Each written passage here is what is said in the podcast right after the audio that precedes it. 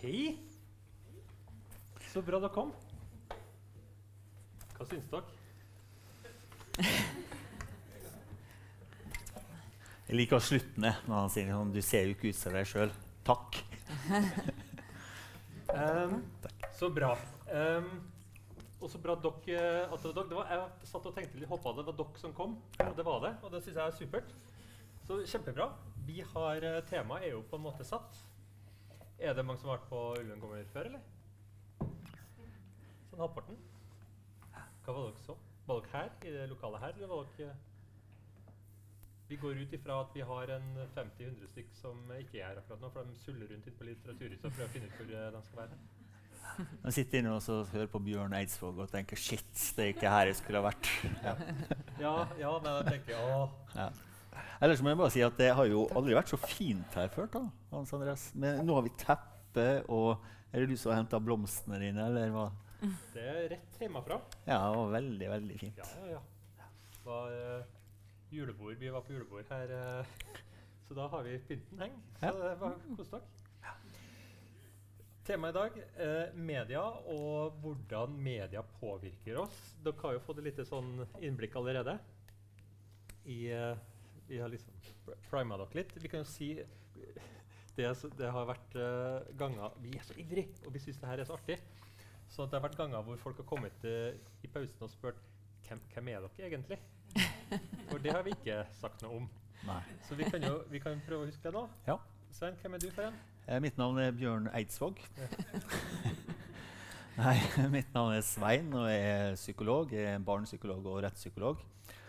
Eh, også til vanlig så jobber jeg med psykotiske personer og folk som har gjort alvorlig vold. Eh, og så har jeg skrevet noen bøker og artikler. Og så er jeg her sammen med deg. da. Og har vært det nå. Jeg satt og tenkte på det før vi kom opp her, hvor, hvor, hvor mange show jeg har hatt. Men vi har holdt på i over et år, eller i to år, eller, eller vil går surre. Ja, det føles som en evighet. Ja. ja, men det er i hvert fall uh, meg, da. Og eh, det, sist gang vi var her Det har han ikke sagt til Hans Andreas. Nei, og det er vet du hva, Jeg lot, jeg lot uh, Svein ha et show alene Ja. uten meg. Og jeg savna det. Åh, det var Ja, koselig. jeg må si jeg, det var tøft å ha det uten deg, selv om jeg hadde en fantastisk uh, gjest. da. Mhm. Uh, og så ser jeg også hvor mye du gjør som ikke jeg legger merke til. Ja. ja, du er flink. Så han, han, bruker også å si det, da, vet du, at eh, han eh, Hva er det du sier da? Du er, du er litt dum, men du er veldig søt. Ja.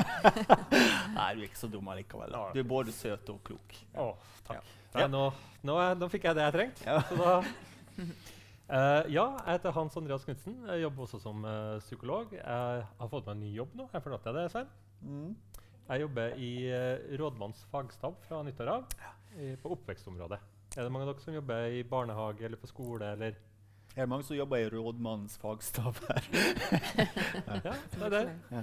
Eh, så jeg kommer til å, å jobbe i forhold til det med psykisk helse inn mot eh, barnehager, skoler og barnevern. Gratulerer. Tusen takk. Gratulerer. Det blir kjempespennende. Um, ja, sånn at uh, ja, jeg er litt usikker på hvor lenge vi holdt på. Det var du spurte om det i stad. Ett og et halvt år. Ja. Og det begynte jo med at vi hadde et annet prosjekt hvor jeg og du uh, snakka på en podkast om pedofili. Mm. Så sa du at det der var jo artig, kan ikke gjøre mer av det? Ja. Så har det balla på seg. Ja. Supert. Og så har vi gjesten vår. ja. Kari, kan kanskje du kan si noen ord om deg sjøl? Ja, jeg heter nå Kari, da. Og eh, jeg har nå møtt begge dere to før Mm. gjennom arbeidet jeg har gjort. Jeg er til daglig så jobber som fastlege. Eh, I tillegg til at jeg underviser litt legestudenter. Men uh, siste åra så har jeg drevet mye med engasjert meg mye for det temaet her. Som det endte opp i en bok for to år siden, Kroppsklemma. 'Kroppsklemmer'. Eh, så eh, mitt hjerte er veldig nært det her eh, temaet her, og hvordan vi skal gjøre livet og hverdagen mer eh, fritt og godt for eh, oppvoksende slekta vår. Ja. Oppi alle det tullet her. Eh, ja, så det vel det jeg gjør. Og liker å formidling og Mm. skrive mye. og Mm. Jeg vært med en del på sånne ting som det her. Mm. Og du var jo, jeg var i intervjuet det til boka mi. Ja, ja, Jeg husker jeg var på Brøset og intervjua deg. Ja, Mhm. Stemmer. Så jeg satt er i boka di. Du er i boka mi. Ja, du er referert i, i kapittel, du. Ja. Og det møtte jeg på noe sånn forskershow i fjor på NTNU forskerdagene. Mm. Ja. Så det er vel et sånn felles interessefelt vi har. Jeg, jeg, jeg, og, jeg lurte på om faktisk du er den ordent- første ordentlige legen vi har her. Altså, hvis vi tar bort psykologer og psykiater og ordentlig. Nei, nei, Sigmund han var jo ordentlig lege. Ja.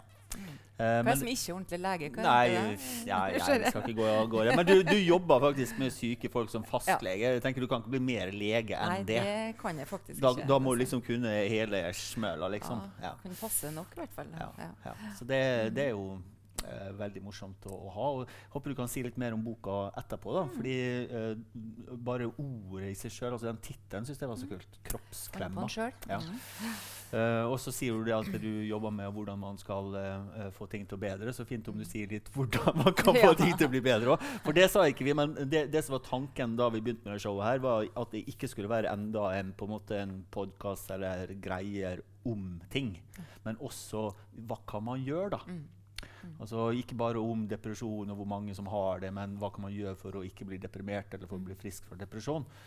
Og i forhold til i dag, så i, media ikke sant? Media finnes jo der. Så, og det å, å, å si noen ting om at hvordan vi kan få media til å forsvinne, tror jeg er ganske vanskelig. Eh, men hvordan vi kan leve liv uten, og kanskje for barna våre, da, hjelpe dem å ikke bli hjernedøde reality-deltakere. Det hadde vært fint. Er det, er det mange du. hjernedøde reality-deltakere her? Er det? Som, det som også er litt sånn artig for dere som ikke har uh, sett oss før, så er det sånn at det, altså, det er litt sånn interaktivt. Uh, og nå som vi er så Nå som vi er akkurat passe mennesker, så, så har vi også en mulighet til litt mer den der dialogen. Så det lå på oss til spørsmål osv. Jeg lurer på eh, Tidligere så har det jo vært opptil 200, og da blir det så vanskelig å liksom, ha den der samtalen med han på bakerste rad. Så da har vi brukt uh, Facebook, hvor folk kan skrive inn meldinger til oss, og så, vi, så leser vi dem opp her, og, her på scenen. Men nå lurer jeg på om vi, vi kan bare se rett og slett sende rundt en mikrofon. Grunnen til at vi ønsker at dere snakker i mikrofon, er fordi at eh, det er et opptak som legges ut på Litteraturhuset sin side eh, i etterkant. Så, da, så det er fint at vi får med stemmen. Hvis ikke så høres det ut som vi bare snakker til oss sjøl. Blir veldig rart. Ja. Så, så er det noe underveis, så bare si fra, så tar vi det. Og det her er ikke noe veldig lite manusbasert, sånn at det kan ta den formen og den veien som vi sammen har lyst til at det skal gjøre. Hvis vi har lyst til å snakke mer om det ene eller det andre, så, så gjør vi bare det.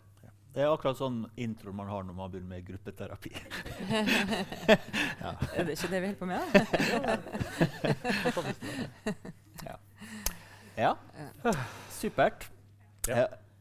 Jeg kunne jo, og du bare fiksa håret ditt Du rakk ikke opp hånda? Nei, riktig.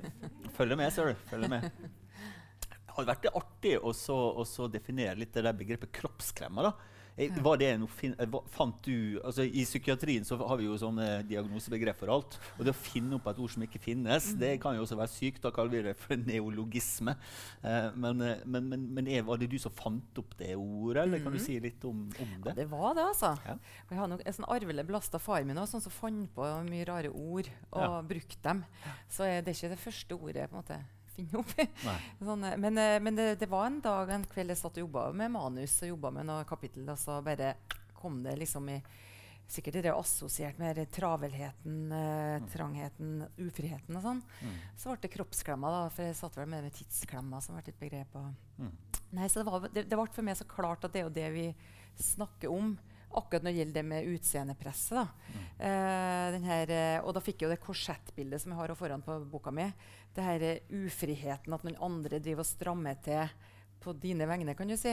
Uh, så du sitter inne i en sånn trakt der du liksom ikke Ja, det er ufritt. Det er andre som presser det inn i det. Mm. Uh, ja. Så det, det, det er den der, Mm. klemma du er i. Og, ja. Mm. Og jaget, da, i tillegg. Mm. For presse seg inn i, men det er jo noe som omtrent leter etter det korsettet og, og, og går inn i det. Og, Ja, ja, ja, som liksom frivillig går inn i det. Ja. Ja, eller Mm. hvordan du definerer frivillig, da. Det er akkurat det. Ja. Eh, og det å komme inn i en sånn form, på en måte, er jo noen som du sier, som ønsker, fordi det er jo trygt å være Mm. lik det som er Mm. idealet, på en måte. Så den der filmen, da og Apropos kred gjett hvem som lager den filmen, da.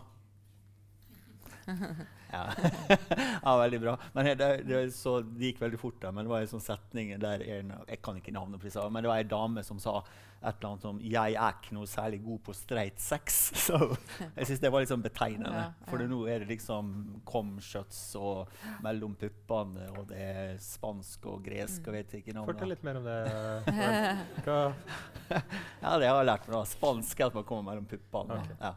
Gresk Spansken? Ja, det, ja, det har jeg lært faktisk. Ja, er ikke sikker på om det er det samme. Men, ja, jeg har hørt at det, men jeg vet ikke. Det, det, ja, ja. I don't know. jeg fikk litt dårlige vibber på den. Ja, jeg skjønner, men, men, ja. men, men, men hvert fall da, så, så, sier hun at jeg er ikke noe særlig god på straight sex. Mm. mm. Så det blir så avansert, alt, alt sammen. Det, men det er jo veldig betegnende at jeg er ikke så god på straight. Og det kan jo videreføre at det å være gjennomsnittlig, det, å, ja. det streite, det vanlige, normale, det er litt ut. Litt, måte, litt kjedelig på ja. alle plan, da, tydeligvis. Ja. ikke sant?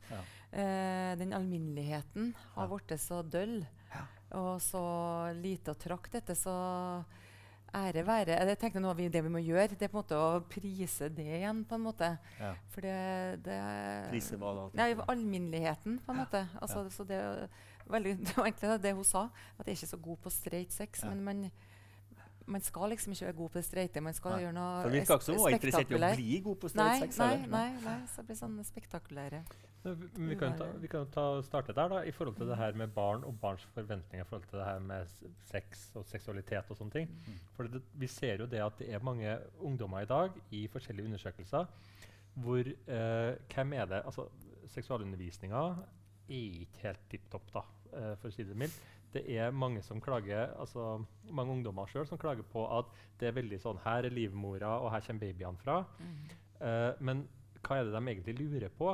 Og det var en, uh, jente på en uh, ungdomsskole som sa det at fint, greit, vi vet hvor babyene kommer fra, men det er en kompis av meg som lurte på om jeg skulle bli med på en trekant, og så vet jeg ikke om det er lurt. Mm. Og, ja, og, ja, vi er der, ja. Mm. Det er det ungdommer lurer på i dag, for de har tilgang til Internett osv. Og så har vi unge gutter som sier at 'Å, herregud, jeg klarer ikke å holde ut i to timer'.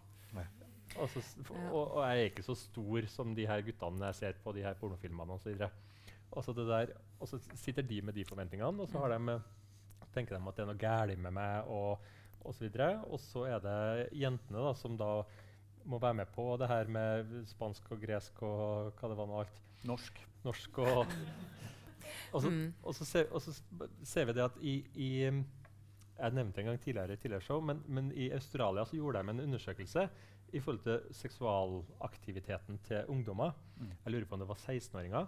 Og så spurte de ja, hva, hva er det du gjør og ikke gjør, Og så, videre. Og så var det spesielt i forhold til det her med, med analsex. Så var det Nå husker jeg ikke akkurat prosentene, men det var en veldig lav prosent da, som, som, hadde noen gang prøvd det. Og så gjorde de den undersøkelsen igjen ganske nylig. Og så plutselig i forhold til analsex så bare gikk det rett i været. Og så, men hvorfor, og hvorfor det? Mm. Og så Er det fordi at man plutselig har fått veldig sansen for det? Eller er det fordi at i mellomtida der så kom Internett. Mm. Og Internett har en veldig sånn, stor påvirkning. Og da var det mange som da tenkte at ja, ja, det er jo det man gjør. da. Det, man, mm. det er det som forventes av meg, osv. Og, og så kommer det fram i de her undersøkelsene. Mm. Nei, men, ja, de, de, får jo den læringa, seksualundervisninga, gjennom eh, porno og gjennom Internett. Eh, så teknisk sett så lærer de mye, men, mm. eh, men, og det henger ikke hele tatt sammen med seksualundervisninga. Men, eh, men, når det er sagt, så kan det være helt basale ting de lurer på likevel. Ja, for du altså, har dem jo på kontoret ja, ditt. Ja, helt ja. basale ting som mange ikke vet uh, om hva mensen nesten er, eller uh, de ja, nesten ikke vet hva hull, hull, hva hull sex foregår i. Mm. Uh, vanligvis. skulle du si. Så det er veldig sånn diskrepans mellom det vi tror de kan fordi at vi etter hvert vet at de ser så mye, og det de faktisk i praksis kan. da. Um, så det er jo litt sånn Nei, så Seksualundervisninga må jo fornyes og, og endres. For det, det, Absolutt. Sånn som jeg har sett det nå, så er jo faktisk seksualdebuten har faktisk steget nå. Ja, for det nettopp for Før så har den gått nedover, ja, nedover, men ja. nå går det andre veien. Ja. Mens folk ser på pornografi sine mm. er ti år gamle. Mm. Så da har du egentlig fem-seks år. da. Kanskje blir lei? Blir ja, Gud vet, men du har fem-seks år der du har sett uh, før du er debutert. Mm. Uh, seksuelt med et annet menneske. Da, i hvert fall. Mm.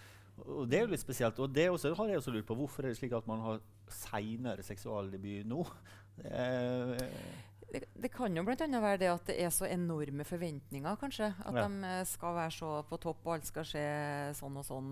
Du utsetter kanskje deg for det de, litt stress? Jeg vet ikke. det er bare en sånn, ja. Og det ser jo jeg som fastlege at det er veldig mange som er veldig stressa rundt det her. Og det var Mm. nå akkurat en reportasje i Adressa om det er vaginismen og vestibulitt, altså smerter ved Mm. samleie og unge damer. Og det kan jeg skrive 100% under på den reportasjen. Si, si litt om det, for det er ikke sikkert alle leser. Eh, ja, nei, eh, det var nylig at det var en eh, artikkel eh, intervjua både fysioterapeuter og leger på Gyn i Trondheim, eh, St. Olav, eh, om unge kvinner og jenter som kommer eh, med veldig mye vondt i underlivet og ikke klarer å ha sex, bl.a. Og Mm. har vondt i hverdagen. Jeg har pasienter som kan ha vondt bare ved å sitte eller gå. eller de, de har så mye stram, Og det viser at de har så mye stramminger i underlivet. Og, sånn sto, og det, jeg har på en måte gjort mine tanker omkring det, for jeg har veldig med unge, unge pasienter. Mm. Og syns det er trist å høre om ikke sant? det kommer 22-åringer, 20-åringer, 25-åringer som ikke har et seksualliv med kjæresten sin fordi at de har så vondt. Mm. Og jeg har gjort noe, jeg har snakka med gynekologer, jeg kjenner om det. En ting er jo den her barberingsbølgen, at de får veldig mye som byller og tørrhet og sånne ting. Og det er en annen historie. Kan jeg, Jeg hører Men- flatlus ja. er på vei å bli utrydda. ja. Ja. men så har vi um, men, um, Og så sto det det, at både gynekologen som intervjuet og de fysioterapeutene som jobber med, med det her, da, de rett og slett påstår at det kan ha med at vi skal gå og holde inn magen hele tida. Mm. Pga. akkurat det skjønnhetsidealer. Og fra man er så små at man begynner å få et forhold til at man må være slank, Mm. så går jeg med å holde inn magen, og så rett og slett så forplanter det seg i, i bekkenbunnsmuskulaturen. Ja. Så jobben til de her som Jeg sender dem jo og henviser dem til, uro, eller til gyn. da. Og da får de rett og slett bekkenbunnstrening som går på avspenning. Og de må blokkeres. De må blokkeres ut med sånne koner. Ja.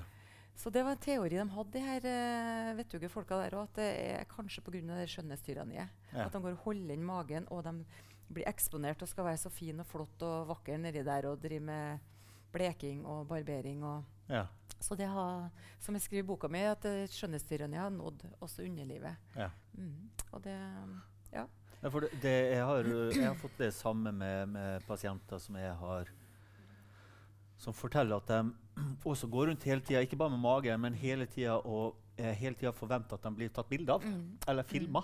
Mm. Slik at de hele tida passer på hvordan de ser ut, Mm. og unngår sånn resting rette sida og bitch-face og Ja. rette sider. Ja, og ja. Så de hele tida går på alerten. da. Mm. Og det, For meg som psykolog så ligner jo det eh, på, på angst, rett og slett. Mm. For Mm. angst også så er jo det kjernesymptomet at du prøver å unngå ting og er på, Mm. på, Mm. på vakt hele tida. Så, så jeg tenker det er jo sikkert ikke bare dårlig nytt for underlivet, men se på for hele Mm. Kroppspanseret, brukte vi å kalle det i gamle dager, hvis Mm. du var litt sånn Ja. man, ma mangla, tøyelighet, da, på en måte.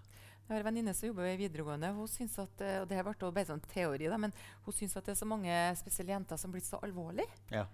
Og da begynte vi å snakke om er det fordi akkurat det du sier at de er- venter bort pose, at de må pose. Ja. Altså at de venter på kanskje kommer en, eh, noen som skal ha en selfie eller noen som tar en snap. Eller Ja. at du liksom hele tida skal ha den her Melania Trump-looken, liksom. Ja. Ja, men jeg vet ikke. Ja, Ja. for, det, for, for det, det, det, det, det vil vi vil.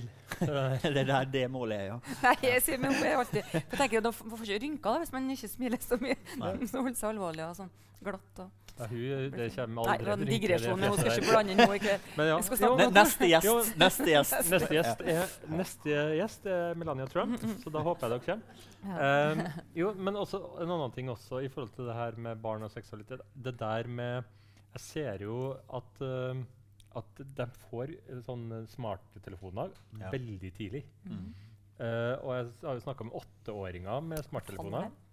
Jeg tok meg en lapp med tallene der. Akkurat på det. Oh. Halvparten ja, jeg forbereder meg, vet du. Halvparten av niåringene har en smarttelefon, og 93% av 10- og 11-åringer har en smartphone. Ja. Finere enn min, tror jeg mest. Ja. Altså, det er voldsomt. Og så- og en du har hele verden altså, på en Mm. smarttelefon. Og det vi Mm. ser, er jo det at om de kommer inn ved en tilfeldighet, eller om de aktivt er nysgjerrig Jeg hadde jo, hadde jo ei, eh, et barn som var veldig nysgjerrig, og, og så skrev inn 'å sexe'. Mm. Og, og hun fikk eh, svar på tiltale. Så si. Hun, Mm. der, eh, da kom det opp bilder og forslag til sider hun kunne gå inn på. Og, så videre. Mm. og det var jo en verden hun var ikke, hun var ikke forberedt i det hele tatt. Nei. Det var jo bare en sånn barnlig nysgjerrighet ikke sant? Som, gjorde, som sendte hun ned et sånt Mm. kaninhull. Mm. Sånn Ja. Alice in Wonderland-aktig. Ja. Og så tenker jeg sånn og da er vi inne på det der med at jeg lurer litt på om for, for sex, for noen som ikke skjønner sex, så ser det veldig voldsomt ut. Mm. Og det er mye lyder, og det er, my, det er mye med det. Mm. Og, det, og jeg, jeg tror det påvirker dem. Ja. Jeg husker faktisk det fra min egen eh, barndom at jeg fant et uh, pornoblad. Jeg husker ikke hvor gammel jeg var, men jeg husker at jeg så og åpna det opp og forsto ikke hva det var. Og jeg syntes bare det var skikkelig skikkelig Mm. ekkelt. Mm. Uh, jeg fikk liksom sånn sjokk. Eh, og det var et blad som jeg på en måte kunne legge fra meg. og som på en Mm. måte kunne tenke at Hvis jeg ser et sånt igjen, så skal jeg ikke åpne det. Mens internett det kan jo alt mulig poppe opp uh, ganske fort. Men jeg husker jeg var intervjuet det. Da, fortalte du, da, da, da snakket vi en del om det med porno og sånn. Mm. Og husker du nevnte at sånne, de, de er så lure, de porno, store pornofirmaer, skal vi si, Mm. at de bruker sånne Cinderella Ja, ja. Sleeping sånne Beauty. Sleeping Beauty og sånn. Altså Ja. Hvis ungene skrur opp, eller trykker på det, så kommer det nettopp. Ja. Eh, Sleeping Men, eh, beauty er jo en søkegreie. Hvis du har altså, i, um, I psykologien så har vi jo Alle har jo hørt om diagnosen pedofili og kanskje Mm. nekrofili. Men du har en diagnose for somnofili, altså en seksuell tenning på sovende og forsvarsløse Mm. kvinner. mm. Og hvis du skal finne pornografi om det, som har trender på veldig mange sånne plasser nå, eh, så søker man på 'sleeping beauty', Mm. som altså er tornerose på engelsk. Mm. Så hvis du søker på 'sleeping beauty', Mm. så kan du rett komme til et bilde av en sånn gammel gris som Mm. som har sex med ei lita jente som Mm. sover. Og det, det er ganske ubehagelig. Og sånne ting tror jeg er viktig at uh, vi vet, da, enten Mm. man er lærere eller foreldre, og sånne ting, at det er så lett. Nei, Jeg kan jo fortelle en liten historie fra min uh, hjemme. Bruk mine egne. Eh, min han var ti år. da, Han ropte på meg ah, 'Mamma, mamma, kom, det er ekkelt på dataen'. Og da har han lurt seg til en sånn piratside på et barnespill. Altså et barnespill eh, som han fikk lov til å spille, men så har han fått litt eh, hørt om, eh, fra en kompis om at det gikk an å gå inn på en piratside. Da fikk du flere poeng. eller et eller annet, litt om sånn. Men da viste det seg fort hva den var finansiert av. Mm. For da var det rett og slett sånn eh, video av eh, gruppesex. Mm. Og heldigvis så ropte han. Så fikk jeg på en måte eh, liksom snakka litt med han om hva det der var, og så slått av. Og, Mm. så vi må bare skjønne at de er så re, eh, Ja, de er eksponert fra veldig lav alder. Men, men bare så det, eh, hvis vi på en måte zoomer litt utafor, vi snakker om media nå. ikke sant? Mm. Og det, noen ganger så tror jeg vi, vi glemmer det at vi nå på 30 år har vi egentlig hatt tre digitale revolusjoner. Altså sånn Grovt sett, i 1997 så kom jo World Wide Web. Altså, altså Det har jo vært Internett før, men da kom det med den layouten med at du kan klikke rundt og sånn. Jeg husker det, faktisk. For jeg var ganske tidlig ute, ute på det. Det var i 1997. Det er ikke så lenge siden. Og så i ca. 2007 eller rundt der omkring, så kom jo de første smarttelefonene. Og de fleste nå som er på Internett, er jo via smarttelefon. Og jeg, jeg husker jo når Internett kom, så apropos sånn som du, så var jeg ute og foreleste en del. Og, det var, og da var det mye sånn man skulle lære foreldre hvordan man skulle få kontroll over, over Internett. Og da sa man 'sett PC-en på stua'. Det var liksom Dere husker det kanskje? Ja? Det er ingen unger nå som ser uh, på, på en PC på stua. Altså, alt er jo der. Og, det kommer, og så i 2017, 15, 16, 17, 18 så kom jo det med kunstig intelligens, chatboter, spill, altså avatarer, customize online streaming-spill. ikke sant? Og sånn som i hvert fall jeg som er over 50 år, da, så på en måte de 30 åra der har liksom gått sånn. Men disse ungene på en måte, de er jo vokst opp Kanskje De har ikke fått med seg den første revolusjonen engang. De kom inn nå, kanskje den Mm. tiåringen. da, Mm. Den Mm. kom jo midt imellom den andre og Mm. tredje Mm. eh, skiftet. Så det, det er en ufattelig omveltning som ikke vi av og til tar inn over oss. Mm. Og en hel industri der som lager algoritmer Mm.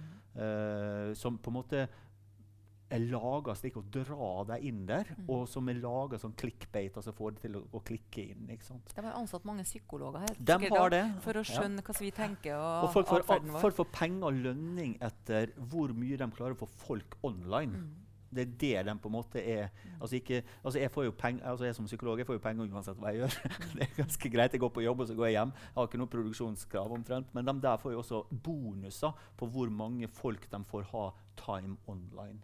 Så det er klart at det er en helt industri der. så Vi snakker om pornoindustrien, men altså internettindustrien, er jo, eller medieindustrien. Og spill er omsetter jo for mer penger nå enn filmer, f.eks. Mm. Mm. Og alt dette har skjedd i løpet av 30 år. Mm. Det er egentlig rart å tenke på. Og det hadde jo skjedd veldig mye. Du sa 2007. Der, det var jo rundt da deres sosiale medier starta. Ja. Og det er jo et, et enormt skifte Mm. i forhold til å dra inn ungene og ungdommene. Mm. Så ja, syns, vi syns i hvert fall det har skjedd utrolig fort. Ja, eh, Eh, og det her gjengen barna våre og sånn er jo de her digitalt innfødte. Og hva skjer da, vet. hvis vi tenker sånn så at det skjer en sånn generasjon hvert tiende år? da? Mm, mm, Så nå er det 2019, så vil vi forvente da at det skjer et eller annet i 2027. da. mm.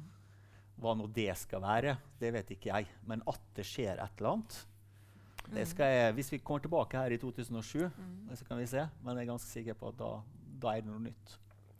Men, men det, er jo, det er jo noen av dere her som er sånn i 20-årene, tenker jeg. Som, da, som, som er de barna som, som Svein snakker om. Har dere noen tanker om det? Altså dere som, jeg, har, jeg hadde en niese som, som uh, skulle låne telefonen min for mange år siden. Så tok hun telefonen min, og så begynte jeg så skjønte jeg ingenting, for det gikk ikke an å, å dra noen ting noen plass. Og det var jo en gammel telefon, det var jo en smarttelefon. Mm. Uh, sånn at, så hun har jo aldri opplevd noe annet. Det du, den verden du snakker om, det, det er jo helt fremmed for henne. Så, så det her er jo kanskje vanlig altså, ja, Men Facebook har jo vært fra jeg var ung. Mm. Det var bare Forrige uke så har jeg um, noen legestudenter som un, un, un, uh, intervjuer barn. Og da var det så tankevekkende, for da var den legestudenten kanskje var 20, og så var gutten 10 eller noe sånt. Og da, Jeg tenkte på der ungdommen, der legestudenten, var kjempeung, ikke sant? men han satt da og hørte på den tiåringen som snakka om noe internett og noe spill. og Han, han så ut som en sånn gamling, han er 20-åringen til og med. Altså, for det skjer så fort. Og, ja, kan du fortelle mer om det? Det har jeg aldri hørt om siden. sant? Ja. Og da er han bare 20 år. Og da var det mest naturlig for denne tiåringen å fortelle at det han gjorde på fritida. Ja. Så det, det går så fort. Og da hender vi da som skal sitte og henge med, som er foreldre eller skoleansatte eller what, whatever, vi skjønner jo at det er vanskelig. Og, ja. Nå fikk jo folk en sjanse til å si at de var under 20 år her, da, med engelsk. Nei, ikke under 20 år, men i 20-årene. 20 år, ja. 20 I år, ja. 20-årene. Nei, jeg, ville, jeg prøvde å dra inn folk, der, for det er jo at det er folk her som er på Hvor er er under 20 år? Du ser det på hun med blomstene. Ja. Hun som kniser. Hun som kniser, ja. Det er et godt tegn. Det er et godt tegn. Har du, noen, har du noen tanker om det, du? Har du lyst til å si noe om det? Vi er bare venner her, altså. Ja, riktig. Nei. Nei. Nei? Er det noen andre som har noen tanker? Johan kan få mikrofon. Um, etter, eh, etter min erfaring så, så har det blitt en, eh, en egen ting som de kaller death grip syndrome. Som har blitt et resultat av at eh, for min generasjon og mine venner, da, som gutter Vi har jo vokst opp med mye nettpornografi. Mm. Og da er det jo mange, blant mine venner også, som har blitt eh, mye mer avhengig av nettpornografi. Mm. Så man, og da sliter man jo da med ejakulering Mm. under Mm. sex. Fordi Mm. man er så avhengig av på en måte visse scenarioer eller Mm. og på en måte ha den visuelle stimulien. Mm. Også kanskje fra andre vinkler enn Mm. det vanlig sex er. For Ja. vanlig sex er mye mer. Ja. Så det er et stort problem for uh, noen av mine venner. Det, jeg, jeg ser jo sånn på jobben min Mm. Også. En eh, økning med, sier- si, si de det til deg? At eh, du jeg har problemer med ejakulasjon? Fordi Ja, at jeg det kan de si. Ja, de gjør det. Kan jeg få, lov til å, kan jeg få resept på Cialis? Okay. Eller, eh, ja, ja. De gjør det. De gjør det. Ja. Ja, Fantastisk. å være fastlege. Ja. Du er liksom der, Du, liksom. Ja. Oh, du, ja, you name it. Ja. Det er liksom, ja. Så, men det du sier, for det, det har jeg også fått med meg, da, at eh, eh, men, men også ereksjon, i, i, altså mm. ikke bare for tidlig utløsning, men generelt ja. ereksjon, Ja. at det også er noe som Det var Eh, debuterer ganske tidligere, Ja. For, for det sånn som jeg oppfatter det, så er man også sliter med å få utløsning. At det har, jeg ser for meg at man ikke er ordentlig stiv, eller at man ikke er, Jeg vet Mm. ikke. Ja. Jeg, jeg mente altså, problematikken rundt eh, Ja. Men, at det, men ser du også at det øker, liksom? Ja. Nå har jeg ikke noe tall på Nei. det, det blir en personlig Nei, nei, erfaring fra jobben. Men jeg, ja, vi snakker litt om det. Eh, Mm. mm, Nei, jeg har sett tall på det. da. Det er Mm. opp mot 20% hos 20-åringene. mm, Og det mm. tror jeg jeg har sagt det før, men eh, da jeg var 20 år, så var problemet mitt å ikke få At jeg hadde for mye ereksjon, liksom. Eh, det var liksom Det var en pine, bokstavelig talt og fysisk. eh, så, så det at du skal ha problemer med å få ereksjon når du er 20 år, for meg så er det direkte naturstridig. da. Men det kan jo hende, sånn som du sier, at man på en måte er overstimulert, Mm. eller du er blitt så, du er blitt så teknisk og så avhengig og på en måte overstimulert. da. Har- ja. Men ja, nei, altså, altså jeg, jeg prøver å Er du glad dere kom? Sveins uh, ereksjons... Nei.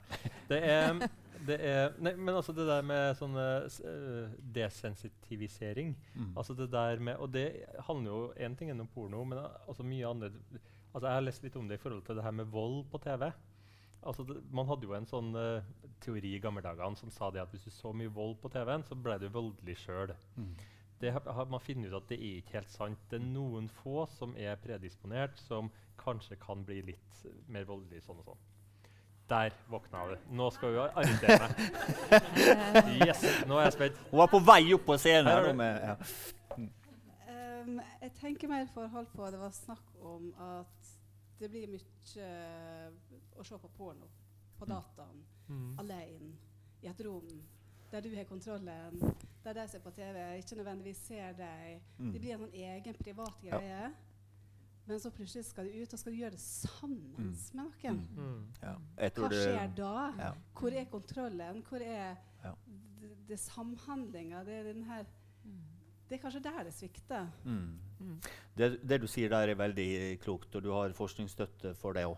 Bare jeg har sagt, Særlig på dem. Ja, hurra for deg. Eh, men men dette her er jeg også på en måte satt meg litt eh, inn i. da, og, og, og jeg har også sett det samme som du. fordi når du ser på den pornografien som blir mer og mer populær, da, så er det ofte pornografi som er nettopp som du sier, der det er veldig sånn enveis, der det er kontroll det handler om. Om det da er at det, det er kvinner som blir ydmyka, eller om det er uh, sovende kvinner. Men i hvert fall at du på en måte har kontrollen, da, noe som du ikke har i en gjensidig seksualitet.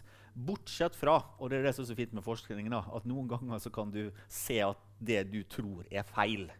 For det stemmer alt det du sier, og mye. Men en annen ting også som på en måte er veldig populær, er også eh, pornografi, særlig filmer, da, av kvinner som får orgasme. Og da tenkte jeg hm, det var jo litt rart, for det er jo fint. og liksom, Det er jo ikke enveis. Men det er jo det. fordi sikkert det å, å gi en kvinne eh, orgasme er jo også en sånn på en måte bevis på din maskulinitet og kontroll. ikke sant? Så det er jo ikke, men det, som, det, er jo, det er jo mye vanskeligere å gi en kvinne orgasme enn det ser ut på en, I teorien, i hvert fall. Eller noe Sikkert forskjellig, ja. jeg vet ikke. Skal være forsiktig med å bli for, eh, for personlig her, da. Men det er i hvert fall mye mer jobb da, å, å, å, å få, få til eh, okay. kvinner Men så det, så det jeg snakka om, da, var desensitivisering. uh, uh, ja, nei, men uh, Jo, jeg er også helt enig med det som blir sagt. Og jeg tenker jo det at det her Poenget mitt var nå bare det at ser du mye porno, så, så er du på en måte du, du, du trenger mer, og du trenger Mm. mer stimuli Mm. osv. Og, da blir du, og da går du hakket videre, og så Ja. baller det på seg. Ja. Uh, og det, og, så vi har uh, en ungdomspopulasjon som har veldig mye tilgang, og kanskje da også er ganske sånn desensitivisert. Mm. Ja. Når du så en uh, pupp i friluft uh, på 50-tallet, Ja. Svein, 50-tallet, ja. så, så, så, Silurtiden. Ja. så var, det kanskje, var det kanskje nok. Det holdt det i et halvår, det. for Svein. Mens, mens i dag så har vi på en måte sett det før. Ja, Altså, ja. fordi at vi har sett det på gjesp. Ja. Ja. Det er litt sånn gjesp. Altså, Mm. Ja. altså, hvor flaut var det ikke å se, se de her eh, programmene med mamma Mm. tidligere? Men nå er det sånn Mm. nå er, Til og med reklamen er jo kjempeseksualisert, og da er det sånn Ja, snakk for deg sjøl. Jeg vil ikke se de filmene med Eller de reklamene med min egen mor engang. Jeg blir flau fremdeles på det. Ja, det. Bra. Ja. Ja. Men kanskje ikke. Jeg vet ikke. Men ja, jeg er helt enig. Men altså, det, er det, som er, det er vel kanskje derfor ting har blitt så populært. For det er så veldig mange fordeler med det. da. Mm.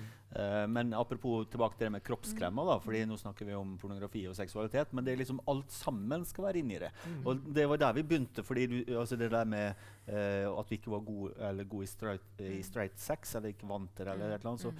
så på den ene side så føler jeg at det er barn og ungdom i dag de er veldig redd for å være annerledes.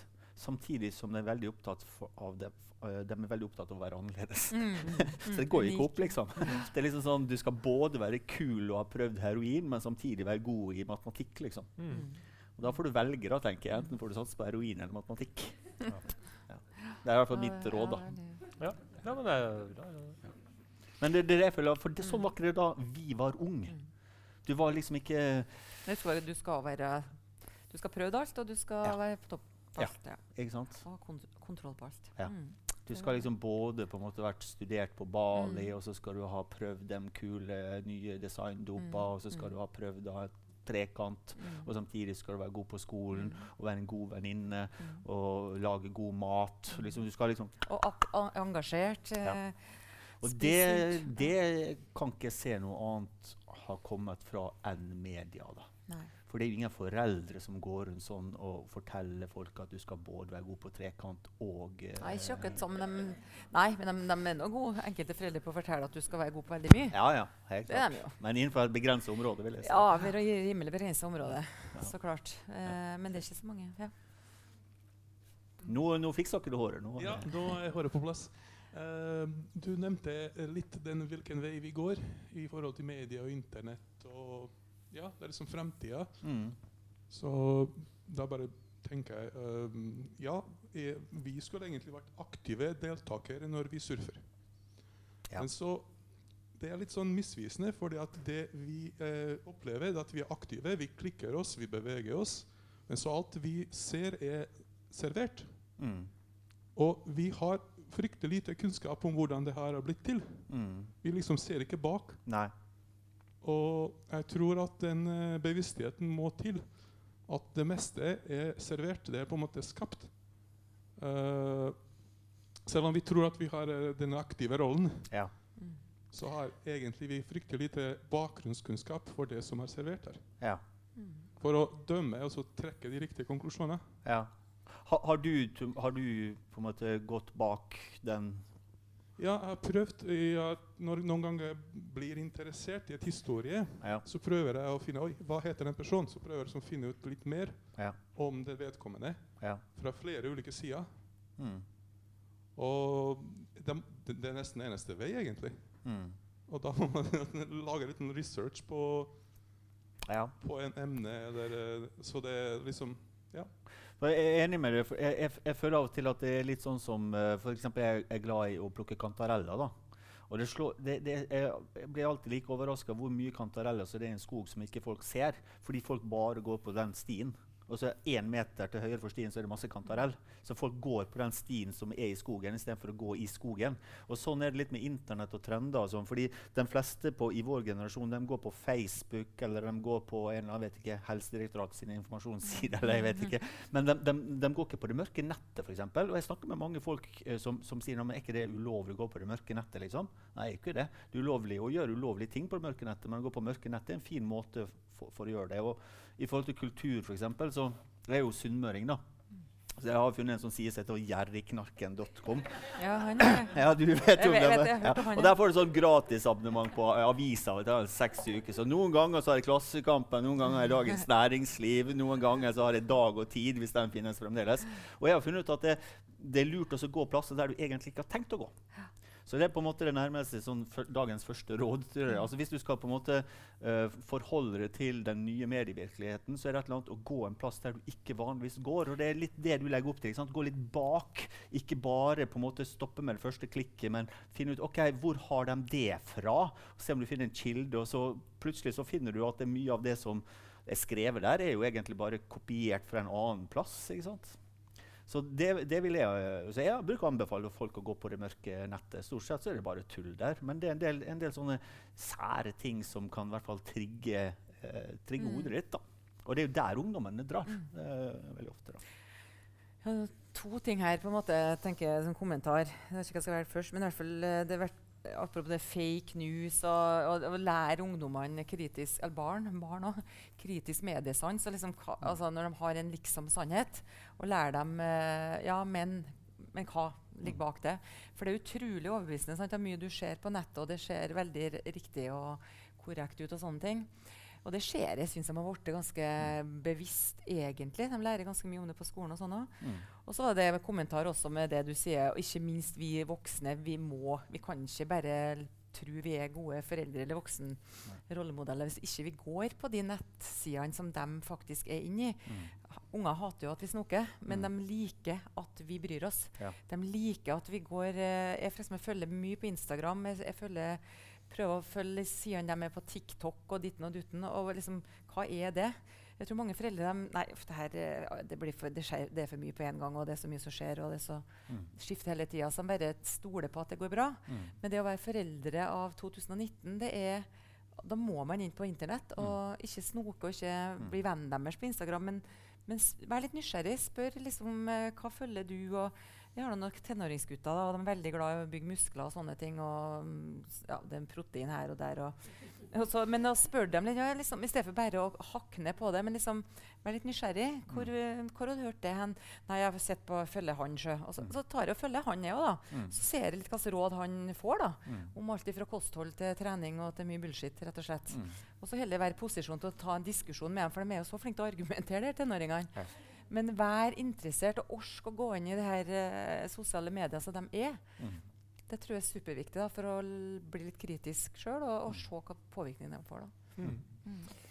Fint. Uh, jeg kikker litt på klokka òg. Mm. jeg tenker uh, vi kan ta oss en liten pause. og Så lurer jeg på etterpå hvordan har dere noe, hvordan ønsker har dere? Hvilken vei ønsker dere vi skal ta nå? Eh, nå har vi snakka litt om seksualitet, og så har vi snakka litt om påvirkninger og hva er det som ligger bak. eh, bak. Du nevnte det her med, med å være nysgjerrig på, på ungene våre. Har dere noe, har dere noe ønsker? Er det liksom deilig med sånt show? Så når dere kom hit i dag, så var det noe dere tenkte Oi, håper det blir tema, liksom. Ja. Mm. Har dere noen tanker om det? Bare vent, rett før vi går, så kommer det til å bære av skravla og være i gang. Eh, Nå har jeg ikke følt så veldig mye på disse reality-serier. Men jeg, det jeg har sett, det handler veldig mye om å eh, ikke være ærlig. Mm. Jeg syns reality var rart å snakke om. Det er blitt liksom et slags eh, standard. Føles det litt sånn. Ja. Og det liker ikke jeg. Nei. Og bare lurer på om Skal vi være der? Hva kan vi fortelle om det? Mm. Og så videre. Så Interessant Ja. tema. Det er kje- kjempespennende. Eh, det vi gjør, vi tar, eh, vi tar oss en liten pause på tiers minutt. Og så, så går vi Tiers minutt. Tiers. Ja, tiers. Det er veldig ungdommelig. Ja. fordi at uh, da måtte begynne å regne, skjønner du. Så skulle vi begynne å si at vi klok- Eh, Tissepause, og så kjøper dere noen barn hvis dere har lyst på det. Og så kan dere komme og hviske det i øret på oss hvis det er noe Mm. dere har lyst til at vi skal ta opp. Uh, yes. ha, har det vært bra så langt? Ja. det har vært sånn det er. Vi klare for litt, uh, litt mer? Jeg, var, jeg hørte litt med dere i, i pausen. Det var jo, folk virka som folk syntes det var ålreit. Um, jeg tenkte jeg skulle Jeg tenkte jeg skulle nevne innledningsvis Jeg og, jeg og Svein har jo eh, har et forslag til dere. Fordi at vi, nå, vi møtes jo her, og nå har vi satt opp fire ehm, nye avtaler med Litteraturhuset og Diggs. At vi møtes her da fire ganger ne hele neste vår. Men så tenkte vi sånn Hvor kult Nå er jo dere liksom hos oss. Kan ikke vi få lov til å komme til dere, da? Tenkte vi. Vi begynner med deg, da. Så går vi bortover sånn. så går vi bortover. Så det vi har lyst, og det her mener jeg, vi mener det helt på ordentlig, at vi har lyst til å komme hjem til dere i stua deres. Og så har vi lyst til at dere inviterer med dere eh, si ti eh, venner eller familie eller hva dere vil. Eventuelt at vi legger det ut sånn at andre, andre som dere ikke kjenner, som sitter her, skal få lov til å, å bli med hjem til dere. da. Og så kjører vi et fullverdig show på et tema vi ble enige om, i stua deres. Hva tenker dere om det? Og så blir Johan Eh, Johan blir med, eh, som hjelper oss med, med tek teknologien. Og han fi og filmer deg videre. Ja, men jeg, jeg, jeg syns det er bare sånn Hæ? Ikke Jeg tenker Skal vi hjem til deg, så tror jeg vi kjører det live. Da tror jeg vi Nei, jeg tenkte, jeg tenkte i utgangspunktet at vi filmer det, og så For det, det er noe sånn GDPR. Altså det er noe uh, muligheter. Så dere skal ha noen muligheter til å si etterpå at du jeg setter pris på at du ikke legger det ut noen plass. Men sånn Vi tenker filme det. Og så jeg, syns, jeg syns jeg er så fornøyd med min egen idé her, da. syns dere ikke at det her er en god idé? Er det sånn helt uforpliktende? Er det noen som kunne tenkt sånn Ja, kanskje det kunne ha vært litt artig? Det, Det er ja, ja. du tenker det? Og helt bakerst der, ja? ja. Jeg òg kunne tenke Og meg. du òg kunne tenkt Skulle du ha meg og Svein på besøk? Ja, veldig gjerne. Ja. Ja. Det tror jeg. Ja.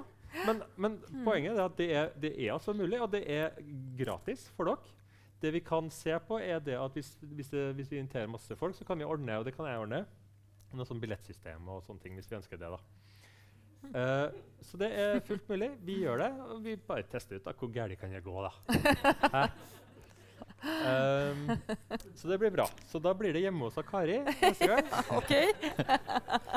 Vi ser på det. Nei, så, det er nytt hus òg. Ja, nytt hus. ja. så, vi, um, og vi, så vi mener det på, på høyst på alvor. Og det dere gjør, er dere går inn på, fe, på Facebook, og så har vi Facebook-side som heter 'Når ulven kommer'. Ja. Så går dere inn der, send oss en melding, og så, og så tar vi en prat.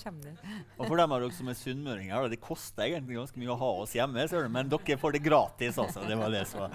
Så, ja, ja. Så kanskje du kan bli med du òg, Kari, hvis det passer seg Ja, sånn. Det høres kjølartig ut, det. Ja. Så sånn er det. Nei, så det var noe sagt. Um, Bra. syns, her syns dere vi er fjasete. Det var var artig.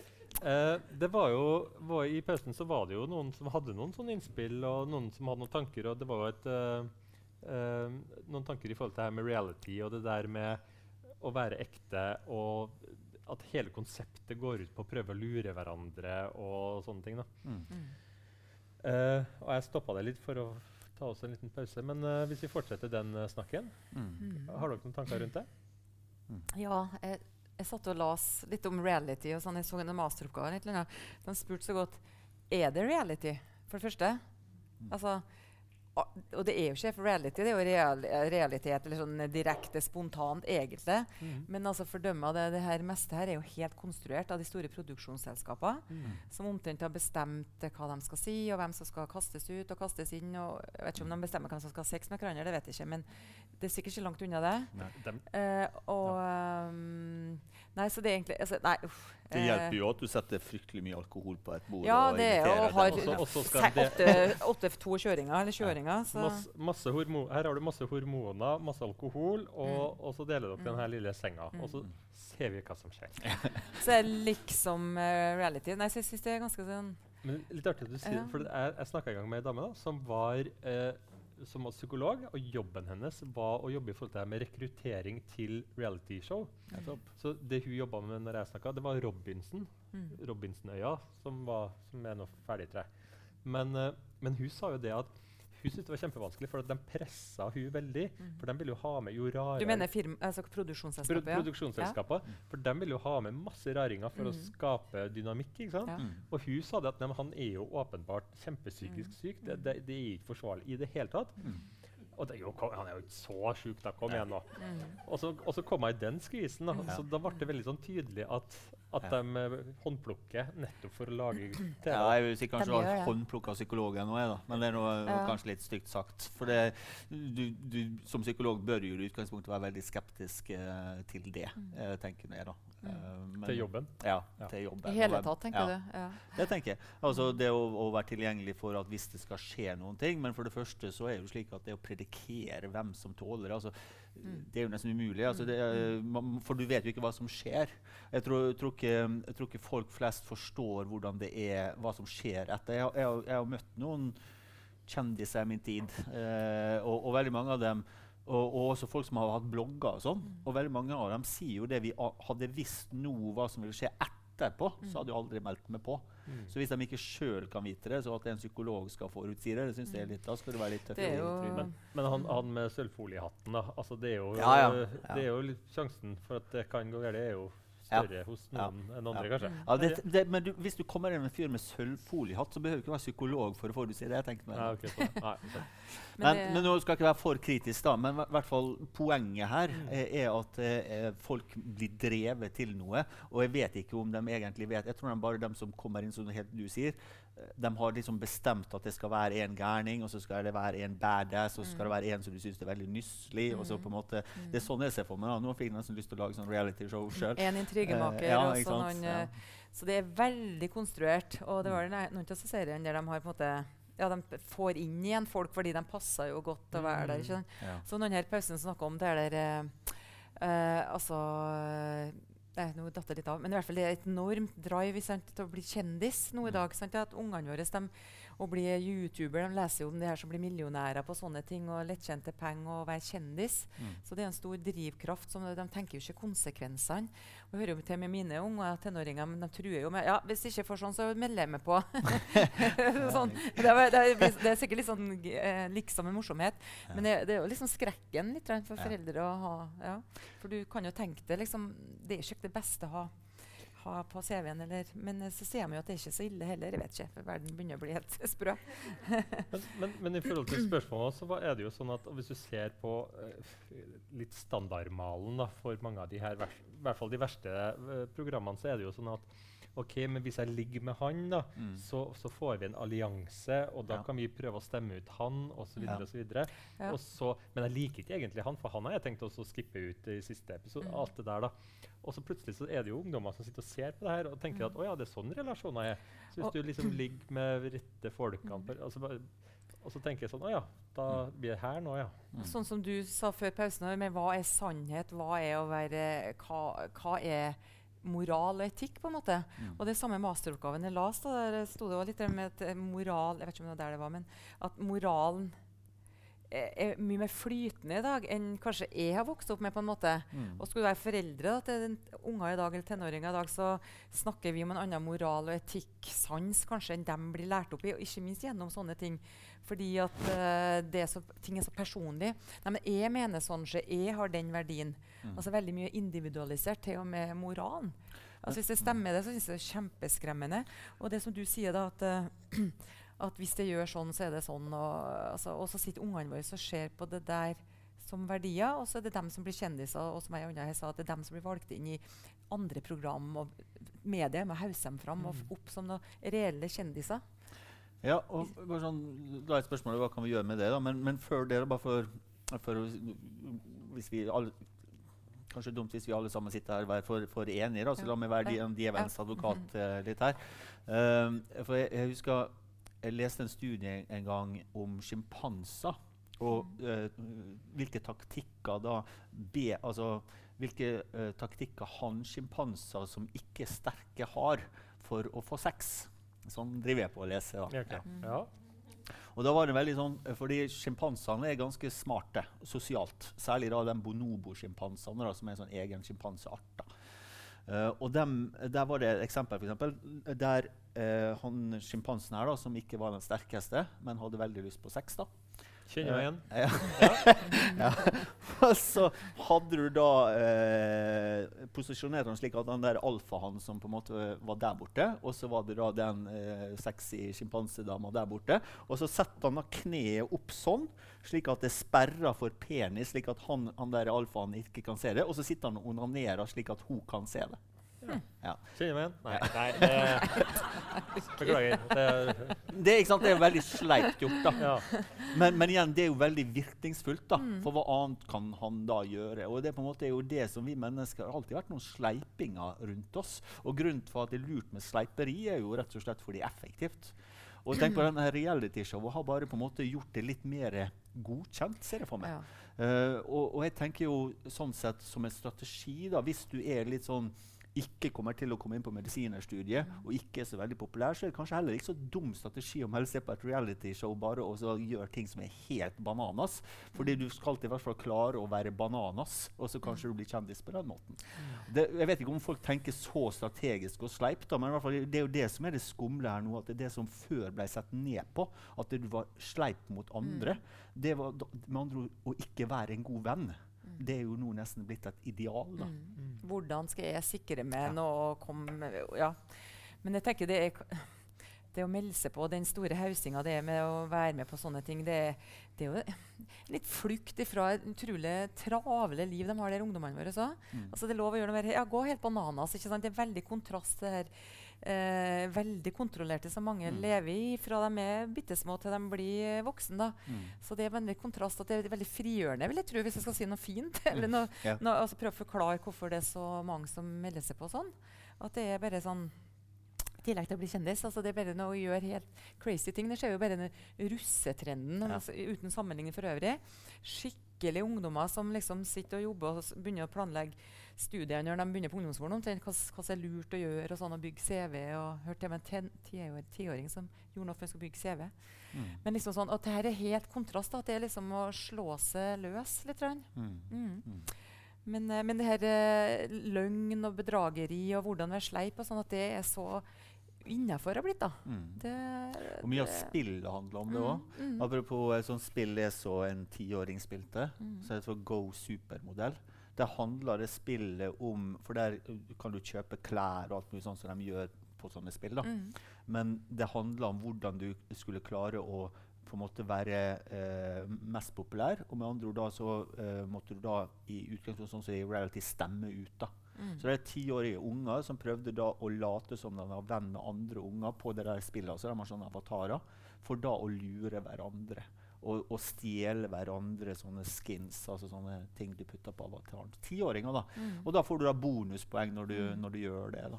Så det, det er jo klart når du begynner med Apropos vi snakker om porno Mm. begynner med tiår, men hvis du da i Mm. tillegg da Mm. begynner med den type ting, så er det klart Mm. at du, det er jo sånn du former verdisettet til folk. Mm. Og hvis det i Mm. tillegg da skjer uten at en voksen vet om at det skjer en gang, Ja. da er du eh, superskummelt, for du har ikke muligheten til å, til å si noe om Nei. det. da. Vi må Nei. Det er en som spør skal sp- Vi har bare et uh, spørsmål fra salen her som heter uh, 'Kroppspress hos jenter'. Er det skapt mest av media eller av jentene selv? Eller handler det om hvordan guttene ønsker vi skal se ut? Ja. Uh, ja. Om det er kroppspresset er skapt innenfra eller utenfra, for å si det sånn. Helt enkelt. Det er skapt både innenfra og utenfra. skal jeg si. Eh, det som på påvirker mest eh, kroppspress, det er eh, eh, Ja, media er jo det sterkeste. Men også venner, eh, familie. Eh, så det er, og, og selvfølgelig er det veldig individuelt. Altså Noen klarer å sitte og se på sånne bilder som vi så her i hundretall, gjør de jo hver dag, og sier bare OK, jeg bryr meg ikke. Jeg, jeg lever godt med den kroppen jeg har. Mens uh, andre internaliserer det veldig fort fordi de har kanskje et litt dårligere selvbilde enn andre og, og er mer usikre og da skal prøve å bekrefte seg sjøl gjennom Mm. det å bli godt likt i forhold til kroppen sin. Mm. Det, det som, du har en del forskning som, som uh, ser hvordan folk reagerer på, um, på uh, reklamebilder der du har sånn photoshoppa kropper. Mm. Eh, fordi selv f.eks. Uh, Triana Inglesias sin Nike-reklame der hun står nesten naken med en sånn par, par sko med Nike, Mm. der ble jo hun photoshoppa. da. Mm. Så jeg tenker når, når til og med modeller nå blir photoshoppa, hun, hun Mm. fikk tatt inn litt rumpa, litt mer glans på låret eller et eller annet sånt. Men så har man sett da f.eks. Uh, uh, Spiseforstyrrelsesforeninga har, i Norge har vært veldig opptatt av at folk skal få vite når modellene eller ting er photoshoppa. At de skal vite at det er falsk reklame. rett og slett. Men det finnes flere undersøkelser som viser at selv når folk vet at det er photoshoppa, så allikevel så handler de Ja, som det de ikke det. var det. Så det å ha innsikt i at ting er fake, ser ikke ut til på en måte å endre på en måte atferden eller påvirkningene. Skal vi ha to Mm.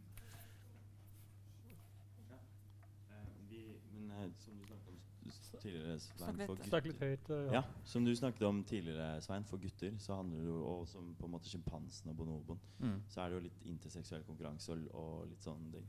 Og det, de nevner jo Er det guttene som vil Som påfører jentene dette presset? Er det den interseksuelle konkurransen? Det tror jeg ikke det. er. Det går ikke på versken uh, når jenter velger å gå til inngrep. da, F.eks. Uh, får et ønske om at de skal operere kjønnsleppene sine eller om puppene. eller sånne ting. Det er ofte også indrestyrt. Uh, og gjerne, uh, så Det er det som er litt tankevekkende. Mm. Og det som du sier, de, selv om man vet at ting er fake, og alt mulig sånn, så får man, har man det ønsket og det behovet og det for, eh, Hva er det? Ikke skavanker, men at du Kompleks. Komplekser og sånn. Ja. Mm. Eh, en, en ting som jeg lurer på for Det var snakk om kroppspress og litt om eh, media. Og så De siste årene har det kommet mer sosiale medier. Det er mer trykk på på ungdommer og sånne ting, så lurte jeg på er det flere som har spiseforstyrrelser i dag enn tidligere. Mm. Og så litt om kosmetiske inngrep. Hvordan er de trendene? Jeg har selv bodd i Sør-Korea. Der Ja. var det 50% som har gjennomført eh, Som, kosmetiske inngrep på øynene sine. 20 som har operert nesene sine. Hvordan er trendene i, i Norge? ja. Det er to Ja. gode spørsmål. Ja. Ja, ta det siste først, kanskje. Ehm, det er et kjempegodt spørsmål. Jeg har jo et eget kop eh, kapittel som heter 'Shop en kropp'. Eh, og det der engasjerer meg kjempemasse. Og jeg fortalte den, eh, Svein, jeg skal ikke si noe hvor det var, men det er bare noen uker siden jeg sendte inn en, et varsel, klage til en sånn klinikk som jeg mener tror driver helt ulovlig uten lege og driver og setter inn Botox og sånne ting. Og, det, men saken er at jeg har gjort masse research. Jeg har kontakta Helsetilsynet og alt mulig og spurt hvor er, hvor er katalogen, eller oversikten over hvor mye inngrep som foregår i Norge. Hvem be, begår de inngrepene? Eh, det finnes ikke oversikt, fordi det er ikke regna som medisinsk hjelp. Alt jeg skal gjøre, eller en kirurg skal gjøre på St. Olav, blir registrert i pasientregisteret. Eh, Det Aleris og Stokkan og det her eh, Colosseum sånn gjør av det vi kaller kosmetiske inngrep, som da er kirur kirurgiske inngrep, er det bare dem sjøl som sitter med. Jeg prøvde å få ut tall fra Aleris, bl.a. hvor mange rumpeoperasjoner og puppeoperasjoner gjør de. Nei, det kunne de ikke fortelle meg. Det er utrolig i Norge at det er så fritt. Eh, så vi, altså det er bare sånn vi, det, Du spør hva ting vi kan gjøre. Så um, Jeg legger meg ikke borti hvordan voksne folk som gjør hva. Men jeg mener det bør være et eh, register og mye mer reglement rundt det. Fordi det er unger som sitter og ser på det. Enorme reklamer som går på at de skal fikse lepper og Mm. pupper og sånn. Mm. Så her er en eh, jungel av Texas i Mm. Norge. Så det er svaret mitt. Men det er en eksplosjon i økning av inngrep. da. Mm. Um, det vet vi. Ja, så vet vi også i forhold til eh, hvor mange I hvert fall kvinner, da. Mm. Så det finnes en del undersøkelser der spør hvor mange kvinner ønsker eller kunne tenke seg dersom de hadde råd, Mm. kunne gjort en gang Mm. kosmetisk kirurgi. Og de tallene har steget på hvert år. Kjempestor. Nå tror jeg tallet er 80% eller sånt, men det kommer an på hvilken alder Ja, du, du er på. Så det har vært eh, Mm. stigende. Eh, Mm. Og jeg også tenker det samme som du sier i forhold til hvem som skal gjøre det. fordi, eller altså, hvem er det som altså eksempel når du da har kjønnsleppene, at de skal være Mm. like, like Mm. lange eller store eller breie, Mm. eller at det, uh, anus skal, være- ikke skal være mørk. Jeg skal, skal love dere at det er ingen gutter som bryr seg om det. Uh, Det er akkurat det. det, de, de bryr seg døyt uh, om, om, om det. Det, det. det er mer noe som har skapt, som jeg tror en industri lager rett og slett for å, for å, for å få kunder. Rett Og, og det er jo det de sitter og ser på i pornoen, og det er det de tror da at guttene vil ha. Og du ser jo reality-serien vi snakker om. Alle er jo likedan. Ja. Og det er jo de kroppene vi, vi snakker om her. Uh, ja. Ja, og det, jeg kom til å tenke på det at uh, det der med Apropos media og Altså um, At man må kjøpe den og den tannkremen fordi at det gjør at vi ikke får gule tenner. Mm. Altså Før 80-tallet så det var ing, det var ikke te, ingen som tenkte på at det var verken fint. Det var sånn det var. Mm. Ja. Og så plutselig ble det en massiv sånn tann, tannkremreklame Mm. som sa det at bruk vår fordi at da slipper du de gule, stygge tennene dine. Og så, oi, og så ble det Oi, da vi skapte et behov. Ingen som, ingen som tenkte på det før.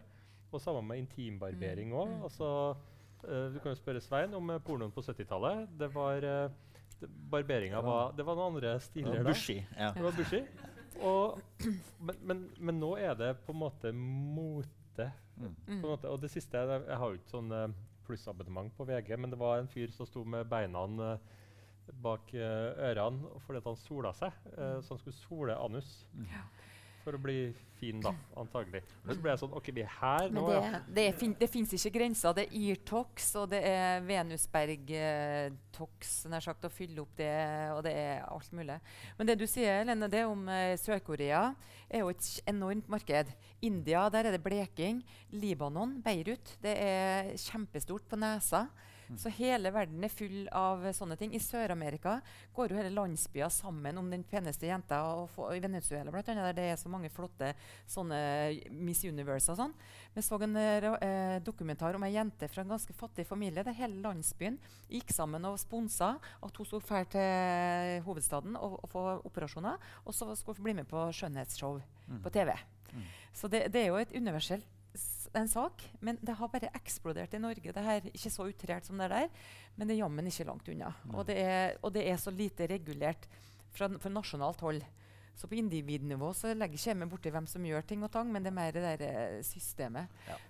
Og det, det burde være åpenbart. Altså, jeg har jo ikke noe mot biler, men jeg vil gjerne ha fartsgrenser, og at folk skal ta lappen. Og jeg vil gjerne at de som har kjø er kjørelærere, er på en måte lisensiert. Så det er litt sånn rart at et sånt tema som uh, Nå kan jeg veldig lite om det, men jeg ser for meg å få en sprøyte med Botox er et giftmiddel. Jeg, ikke, altså, jeg vil jo gjerne at dem som skal gi den sprøyta, har en viss form for utdanning, da. Og helst en lege bak, vil jeg Det skal være lege bak. Alle leger skal se på hver og en, men det har bare vært helt hvilende regel. Ja. Så det har bare blitt en flom av ting. Og når det gjelder sånn Restila- Restylane og sånne andre juvederm som ikke er Botox, så kan til og med et frisørsalong, eller jeg har hørt om tidligere en maler altså, Hvem som helst kan sette sånne nåler i, i folk. Jeg hørte en På baker som Ja, gjorde baker det. var, Ja, unnskyld, ja. baker var det. Og jeg tenker hvor strengt det er på mitt kontor når jeg skal sette en nål i, i folk. Eller min sekretær skal sette en vaksine. Hvor strengt at jeg må være på kontoret og følge med og sånn. Ja. Så jeg blir litt irritert jeg, at det skal være så fritt fram, uh, denne businessen her. Og det er sårbare folk, også voksne folk, som har, nesten tar opp kredittlån for å gå og kjøpe seg en ny rumpe. Ja. Så nei, det her, nå hører jeg, det her blir jeg veldig engasjert Ja, det, det var Ja, bare det en, en del til i spørsmålet. Ja, så var det spiseforstyrrelser. Og det er i hvert fall, Nå vet du kanskje litt mer, mer enn meg, men jeg prøvde å gjøre sånn eh, forekomst, eh, forekomststudier finne tall på i forbindelse med min research. Og det er veldig lite tall, på spesielt det med, med spiseforstyrrelser. Hvor mange. Men vi tror jo det er en økning. Og ikke minst det med overspising og med det med ortoreksi, som er en udefinerbar spiseforstyrrelse. er det om overopptatthet av trening og mat. Ja.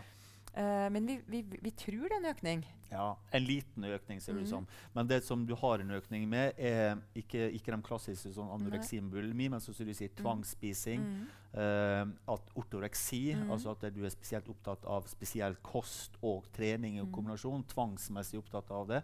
Og det er flere såkalte picky eaters som Ja. bare kan spise, spise forskjellige ting.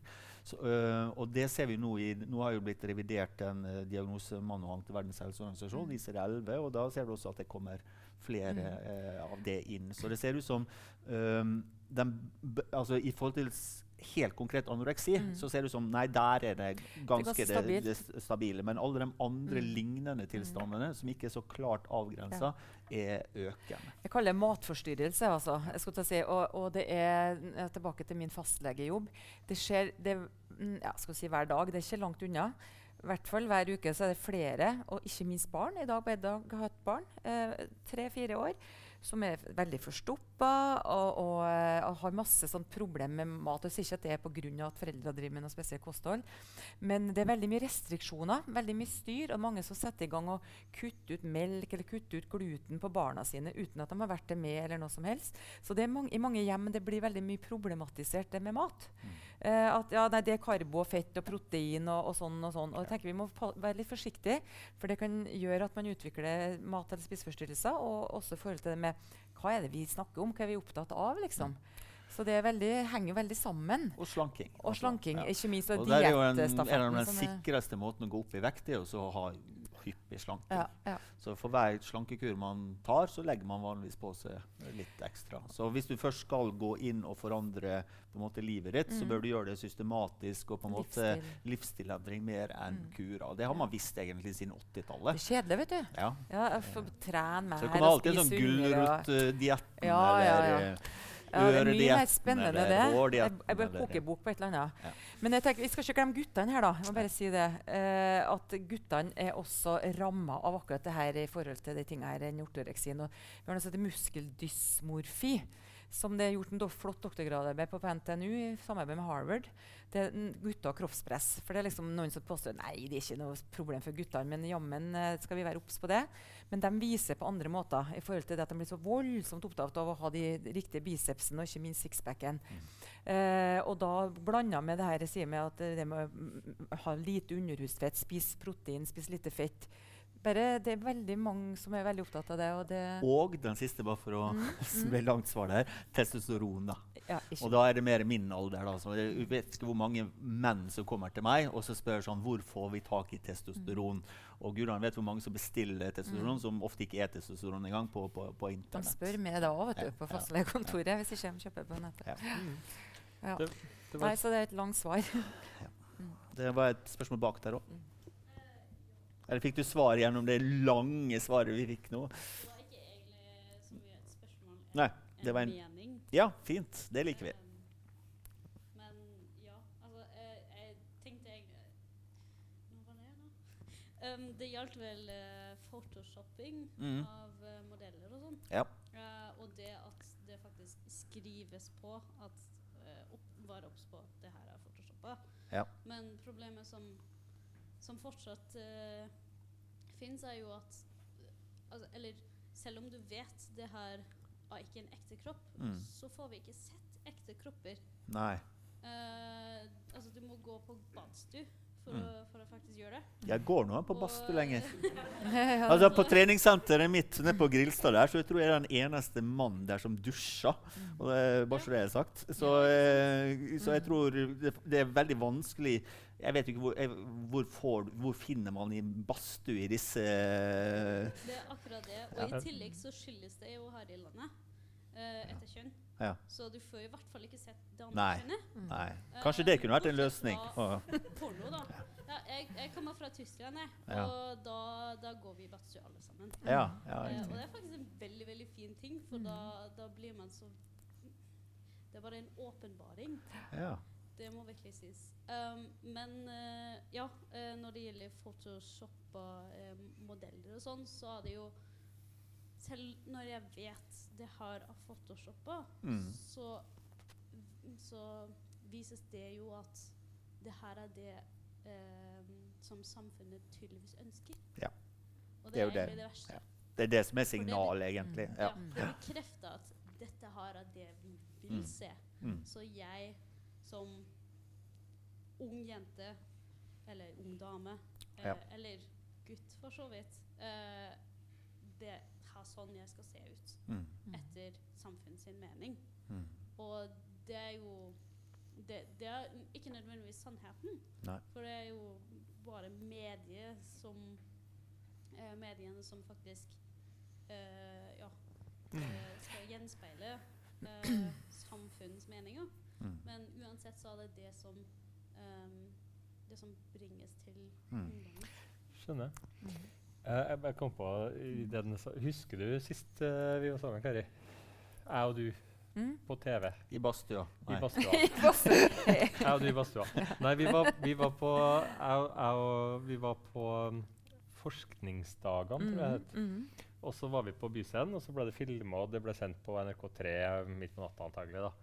Eh, og der hadde jeg, i forhold til det du sier, så hadde jeg eh, Det er et sånt bilde da, som kompisene sender til meg, screenshotet sender til meg fortsatt. Og der sier jeg det at jeg har lyst til å slå et eh, slag for uh, husmorsrumpa. Og det, og det er liksom sånn i forhold til det, eh, det som ble sagt. Altså, hvor er det vanlige? Og jeg nevnte også denne Tre små kinesere-sangen, hvor de synger at, eh, at i Stabelsvei så ligger eh, så er liksom unge, da, De skaper et bilde av ungene. De springer naken i det her Mm. sprinkelanlegget ikke sant? Og, og koser seg. Mm. Og de her eh, damene på 50 pluss de ligger liksom toppløse uh, utpå der. Og det er ingen som bryr seg. Og det er kropp. Og jeg tror det er det som er store problemet nå i forhold til media generelt. At vi, når var det ungdommene eller dere eller Når var det vi så en helt vanlig, frisk kropp sist? Som med sine skavanker og med sine ting. Og det er jaggu lenge siden. Altså, hvis du ser de her silikontrollene på Paradise Hotel og hvor de er hen, ikke sant? Altså sånn, jeg tror, jeg tror vi har veldig lite tilgang til det normale. Og, og så, sånn Mm. sett så er det veldig sånn positivt med det der med at nei, vi går i badstua hele gjengen. Mm. Og så er vi Sånn er det. Og det her litt sånn litt stor her og litt lita der, og, og så videre og så videre. Jeg tror jeg, jeg Så jeg, har jo, jeg levde jo ikke på 70-tallet, men jeg har sånn idé om at det var sånn på 70-tallet. At, at man var litt sånn eh, at Det var ikke så farlig. Og, og i forhold til Tyskland Jeg har litt traumatiserende litt traumatisert opp, opplevelse fra Tyskland. For jeg husker at vi var på, på ferie. Jeg var åtte-ti år. Og så kom vi på ei strand, og der var det masse tyskere som spilte volleyball. Hm. Eh, og de hadde bare T-skjorte på seg. Uh, og det var, så det var min første husmorsdusk. Uh, og, og det var bryst overalt da i volleyballspringa. Så du hadde ditt pornoblad. Jeg hadde, det var min opplevelse. Hva er det med de her tyskerne? Mm. Ja. Jeg kan Vi har- bekrefte dette, for vi har veldig mange FKK-strender, som vi kaller det. Mm. Sånn Freikorper Ja, kultur. Kultur. Ja, Ja. det stemmer. Eh, så det, da, da ser man av og til joggere som bare Ja. viser helikoptrene. Ja. Um, Men er det fortsatt i dag òg? Så det er ikke riktig samme ståke som det er i Norge? liksom? det er det faktisk, ja. ja. Nei, for hvem er det som bestemmer det? Hvorfor skal det være sånn der? Altså, som du sier, hvem er det som, til, hvem er det som lager de verdiene? Jo, men jeg, har vært, jeg, jeg bodde i to og et halvt år i Danmark. Mhm. Og selv i Danmark så var det, altså, det var sånn, de tok noe litt lett på det. da. Mm. Var det litt naken? Ja, ja. Mm. De koste seg. og slappa av. Ja, nei, Altså, enda i hjemlandet mitt så må jeg i hvert fall si at Eller jeg ser en, en økning i seksualisering Ja. av Mm. nakne kropper generelt. Eh, så altså all den som En jente f.eks. skal ha på seg bikini og ikke Mm. bare truse Mm. når hun bader, den, uh, den blir jo mindre og mindre. Mm. Mm. Så mm. det som var helt normalt før, eh, det endrer seg. Ja, skjer det. Ja. Ja, Henne som Maurits og kultur. bikin, bikini for småbarn. Og, Mm. og til, ja, amming, da. Altså, det er jo så, til og med på Facebook så blir man jo blir bildet av amming tatt bort og sånn, for det, det er liksom seksualisert. Mm. Så det er utrolig så, og jeg, jeg bare lyst til å nevne det med, som jeg er opptatt av, og det er den seksualiseringa, ja. Men også en stereotypen Altså at det er voldsomt som stereotypt.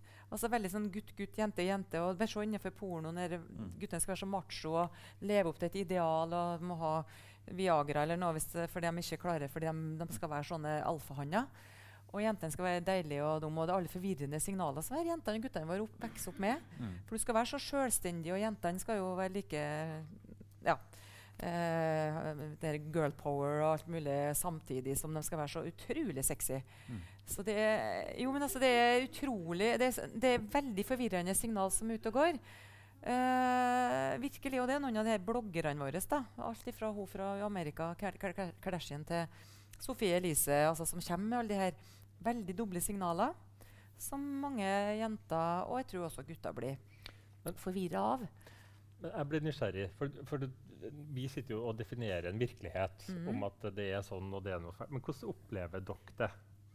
Opplever dere det at det er i forhold til det med, med sånn kropp og sånne ting, er det et veldig press i forhold til denne her sexifiseringa, hvis det er et ord? Mm. Eller er det Eller hvordan, hvordan er det for dere? Jeg veit ikke om jeg svarer helt på spørsmålet. Men eh, det jeg har tenkt veldig mye på, i og med at jeg er tenåringssønner som kjenner diverse jenter, og så er jo det Instagram-kontoer i alle retninger. Og, ja. og da ser jeg bilder av jenter som Jeg tenker bare Gud, jeg har blitt halshogd hvis jeg har lagt ut noe sånt når jeg var tenåring. Mm. Alt er Det er altså fine bilder sånn i utgangspunktet, men det er liksom den sexy twisten på absolutt alle bilder. Mm. Og så er det sånn Hvorfor trenger de det? Mm. Hvorfor gjør de det? Altså, er kjempediskusjoner hjemme da, rundt dette der. Hvorfor alle gjør det. Så er det ikke bra nok. Hvor kommer det fra? Men hva gjør du da? Eh, Fordi mm, Jeg tenker En ting er hvorfor det er blitt sånn. Sannsynligvis så kommer ikke det til å forsvinne i morgen. Så har du For du snakka med dem hjemme, da, forstår du? Det er jo en fin start. Men eh, har du noe smart å si for for, sånn. Nei, ikke hvorfor, men altså hva- jeg tenker hvorfor det har blitt sånn, det, det kan vi finne ut av eller ikke finne ut av. Men vi, spørsmålet er kan vi gjøre noe for å endre det for at det skal bli bedre. er jo spørsmålet. Apropos, klimaet nå. ikke sant? Nå har vi holdt på å fornekte at vi har en klimakrise ganske lenge. Og så nå ja, nå har vi en klimakrise, nå skal vi begynne å gjøre det. ikke sant? Og uh, det, det, spiller ingen rolle hvorfor det har blitt en klimakrise, egentlig. Uh, må, eller Det er relevant hvis vi finner ut om, hva, om vi kan bruke det til å endre noe, men hva kan vi gjøre for å endre det? Så når du snakker med disse ungene, da, hva, har, du funnet, har du noe du vil dele der av lure ting man kan si til ungdommer? Eller til deg sjøl? Jeg bør vel kanskje snakke med noen av venninnene deres som faktisk har lagt ut bilder av hvorfor de har gjort det på den måten. Ja. For min tanke her er jo at jeg ønsker jo å forstå mer av det. For jeg er jo ei Ja. lita jente, og hun Ja. begynner snart å skal bli større. Ja. Og så vil jeg liksom være litt i forkant her og forstå Ja. greia. Ja, For, for jeg, jeg har to, to ting der. For det første så tenker jeg jeg at generelt da, hos unger Så når unger sier at alle gjør det, så er det vanligvis ikke sant. Nei. Det er 20% som gjør det, eh, men så virker det som det er 80% så det er derfor du må få frem det mangfoldet der. Og med, å da snakke med venninnene eller, eller foreldrene deres og sier at nei, dem heller ikke gjør det. Det er sånn typisk sånn Nei, alle får lov å være ute til klokka 11. ikke sant? Eh, alle får lov å spise sjokoladepålegg eh, til hverdags. ikke sant? Det er jo ikke sant. Og den andre biten ja, jeg ser det. Eh, Den andre biten jeg ser vi kan begynne med oss sjøl. Sånn som apropos det der med å dusje på Grilstad. Det har jeg fortalt eh, i en sånn greie her før, men jeg hadde jo en sjokkopplevelse på det. Forelest for lege- og psykologstudentene og fortalte det at det, eh, eh, nå er jeg den eneste som går i dusjen. For jeg bare går med håndduken ikke rundt meg engang. Jeg bare holder den i hånda og går bort. Og så spøkte jeg på en forelesning da, med at jeg, nå tror sikkert folk er sånn sugar daddy som er ute etter å finne med noen sånne fjortisgutter. eller et eller annet sånt. Og så kommer det frem en fyr i, i pausen og sier ja, det stemmer, det. jeg har sett deg, og trodde at du var homse på jakt. Så det var jo en ganske ubehagelig eh, følelse. For det, til, så det er sagt, dette blir tatt opp. Jeg er ikke interessert i seksuell omgang med unge gutter her. Men da tenker jeg, da er mitt bidrag da, at jeg skal fortsette med det. Selv om jeg føler meg som en pedofil når jeg går rundt der, der nå, så skal jeg fortsette med det. da. Så det er i hvert fall et helt konkret bidrag som jeg har tenkt å gjøre for, å få verdensfred. Og, og, jeg, og jeg er helt enig, og jeg kan bli med deg. Jeg, Ja, takk. Um, Kan gå Men- hånd i hånd inn. Det blir ja, men, men poenget er at også, ikke sant, Jeg er helt enig med deg. Jeg tror det, jeg har en tanke om at det er en av flere veier å gå. da. mm. Det der med at altså, Vi har en trend som er på vei en plass, og da må vi si nei, denne trenden er ikke vi med på. Vi ønsker ikke det. Vi ønsker tilbake til denne tyske frie Ja. eh, holdninga til det. Mm. Sånn at, sånn at vi må begynne å gå i dusjen etter Mm, treninga mm. mer. Og, og ikke bry oss så mye med det. Og så si sånn, så, sånn er det. Og Ferdig snakka. på en Mm. måte. Vi har ungdom nå som heller ikke dusjer etter gymmen, og det er jo et kjempeproblem. ikke sant? Mm. Og de, på noen skoler nå så har det også vært snakk om å bygge sånn, sånn som vi har på doene her. ikke sant? Sånn egne avlukk, så det Mm. blir sånn én og én dusj. Man kan gå inn Mm. og lukke døra. Mm. Jeg tenker det at nei, jeg, jeg vil ikke det. Jeg vil at vi skal ta tilbake altså den normale, sunne, vanlige kroppen vår. Og, så, og gjøre sånn som vi gjorde på 80-tallet, når jeg gikk på skole. og ja, ok, 90-tallet. Sånn at, eh, sånn at liksom, Men det det krever, er jo Det krever jo mye av meg og Svein, men det Mm. krever mye av dere òg. For dere må tørre å være så trygge i deres kropp at dere også dusjer Ja. i, på, i papirbadet eller etter treninga eller hvor dere gjør.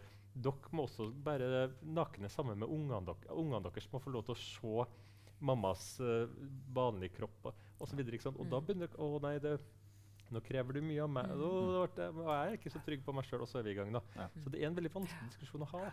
Nå er det Ja, det like er det. før du kommer til å foreslå at vi skal ha sånn 'Når ulven kommer' i dusjen på Grilstad. Ja.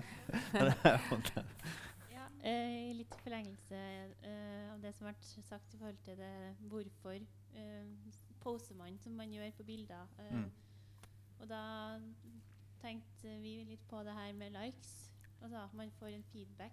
ja. Og, og det er jo noe i vinden, og det snakkes jo om at Eller om det allerede har skjedd, det har ikke jeg fått med meg, da, men at øh, de skal faktisk bidra med at jo, vi fjerner likes. Mm. ja. Så Mm. det tenker jeg i forhold til hva kan vi gjøre med det. Mm. Og, og akkurat det, at kanskje det med at man fjerner likes, blir Mm.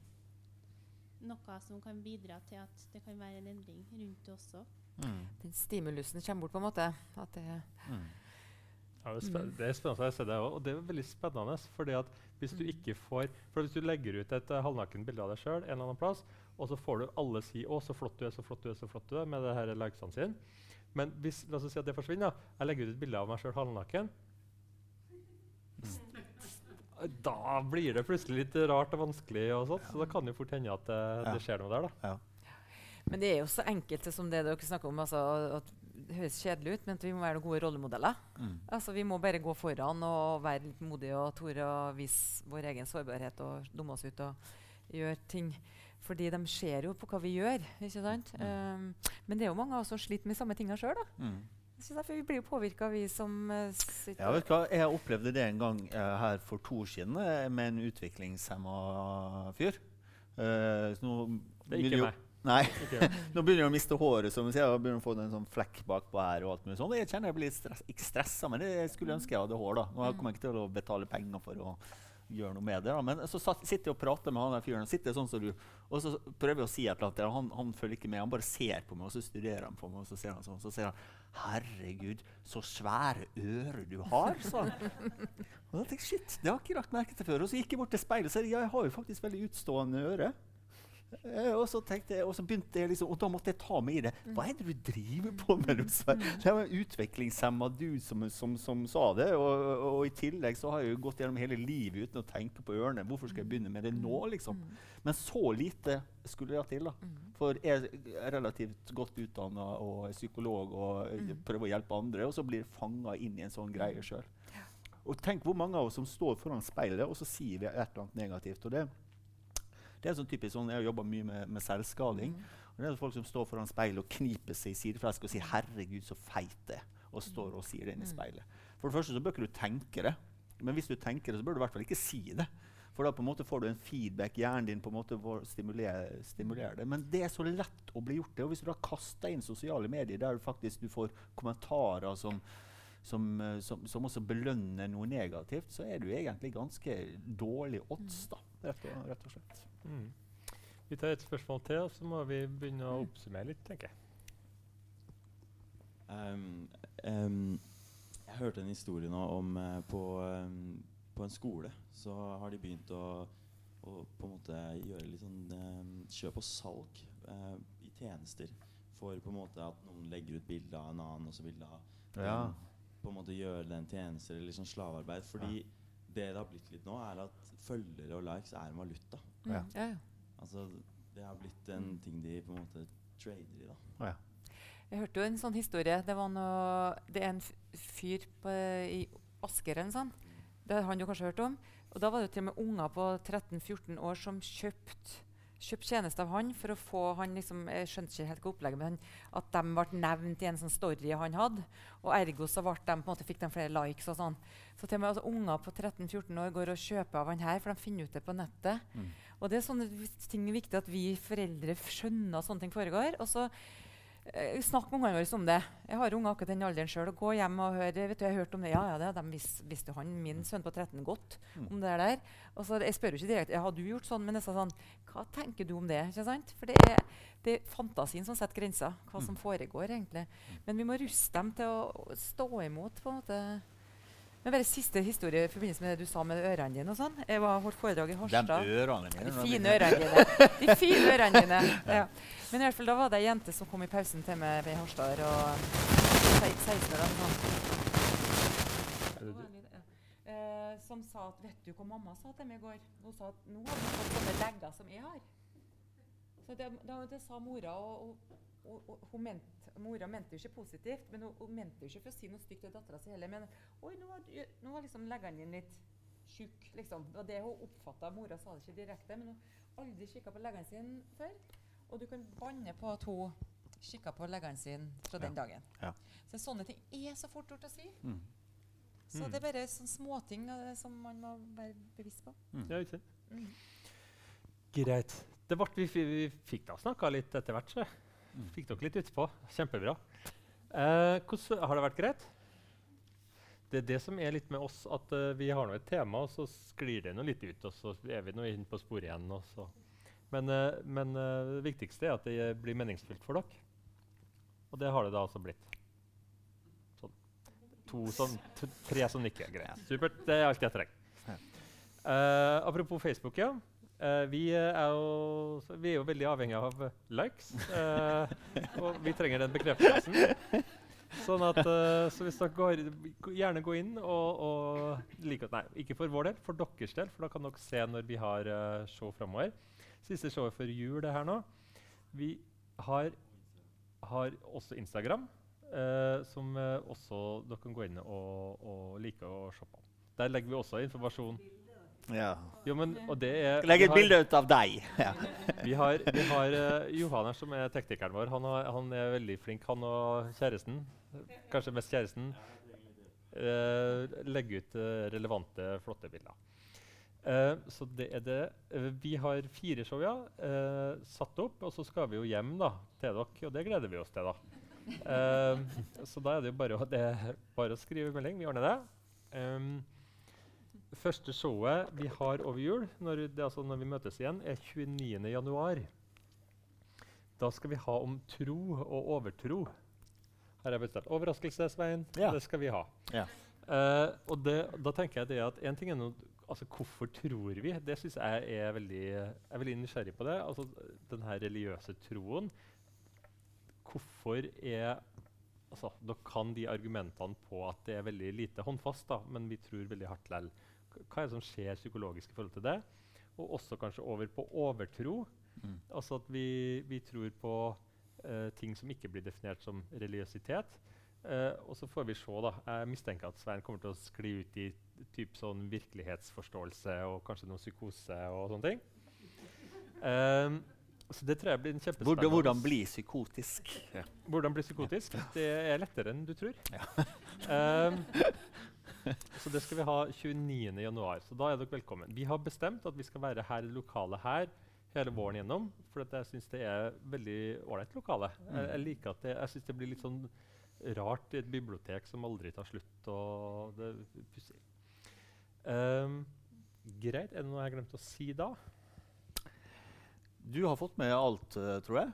Eh, jeg tenker det er veldig hyggelig at du eh, var, var med oss. Og jeg, jeg føler egentlig så liker jeg at når vi får gjester i begynnelsen, så gir vi en applaus. Men siden ikke du har fått det nå, så vil jeg gjerne at vi gir en applaus til Karl. Tusen takk for oss.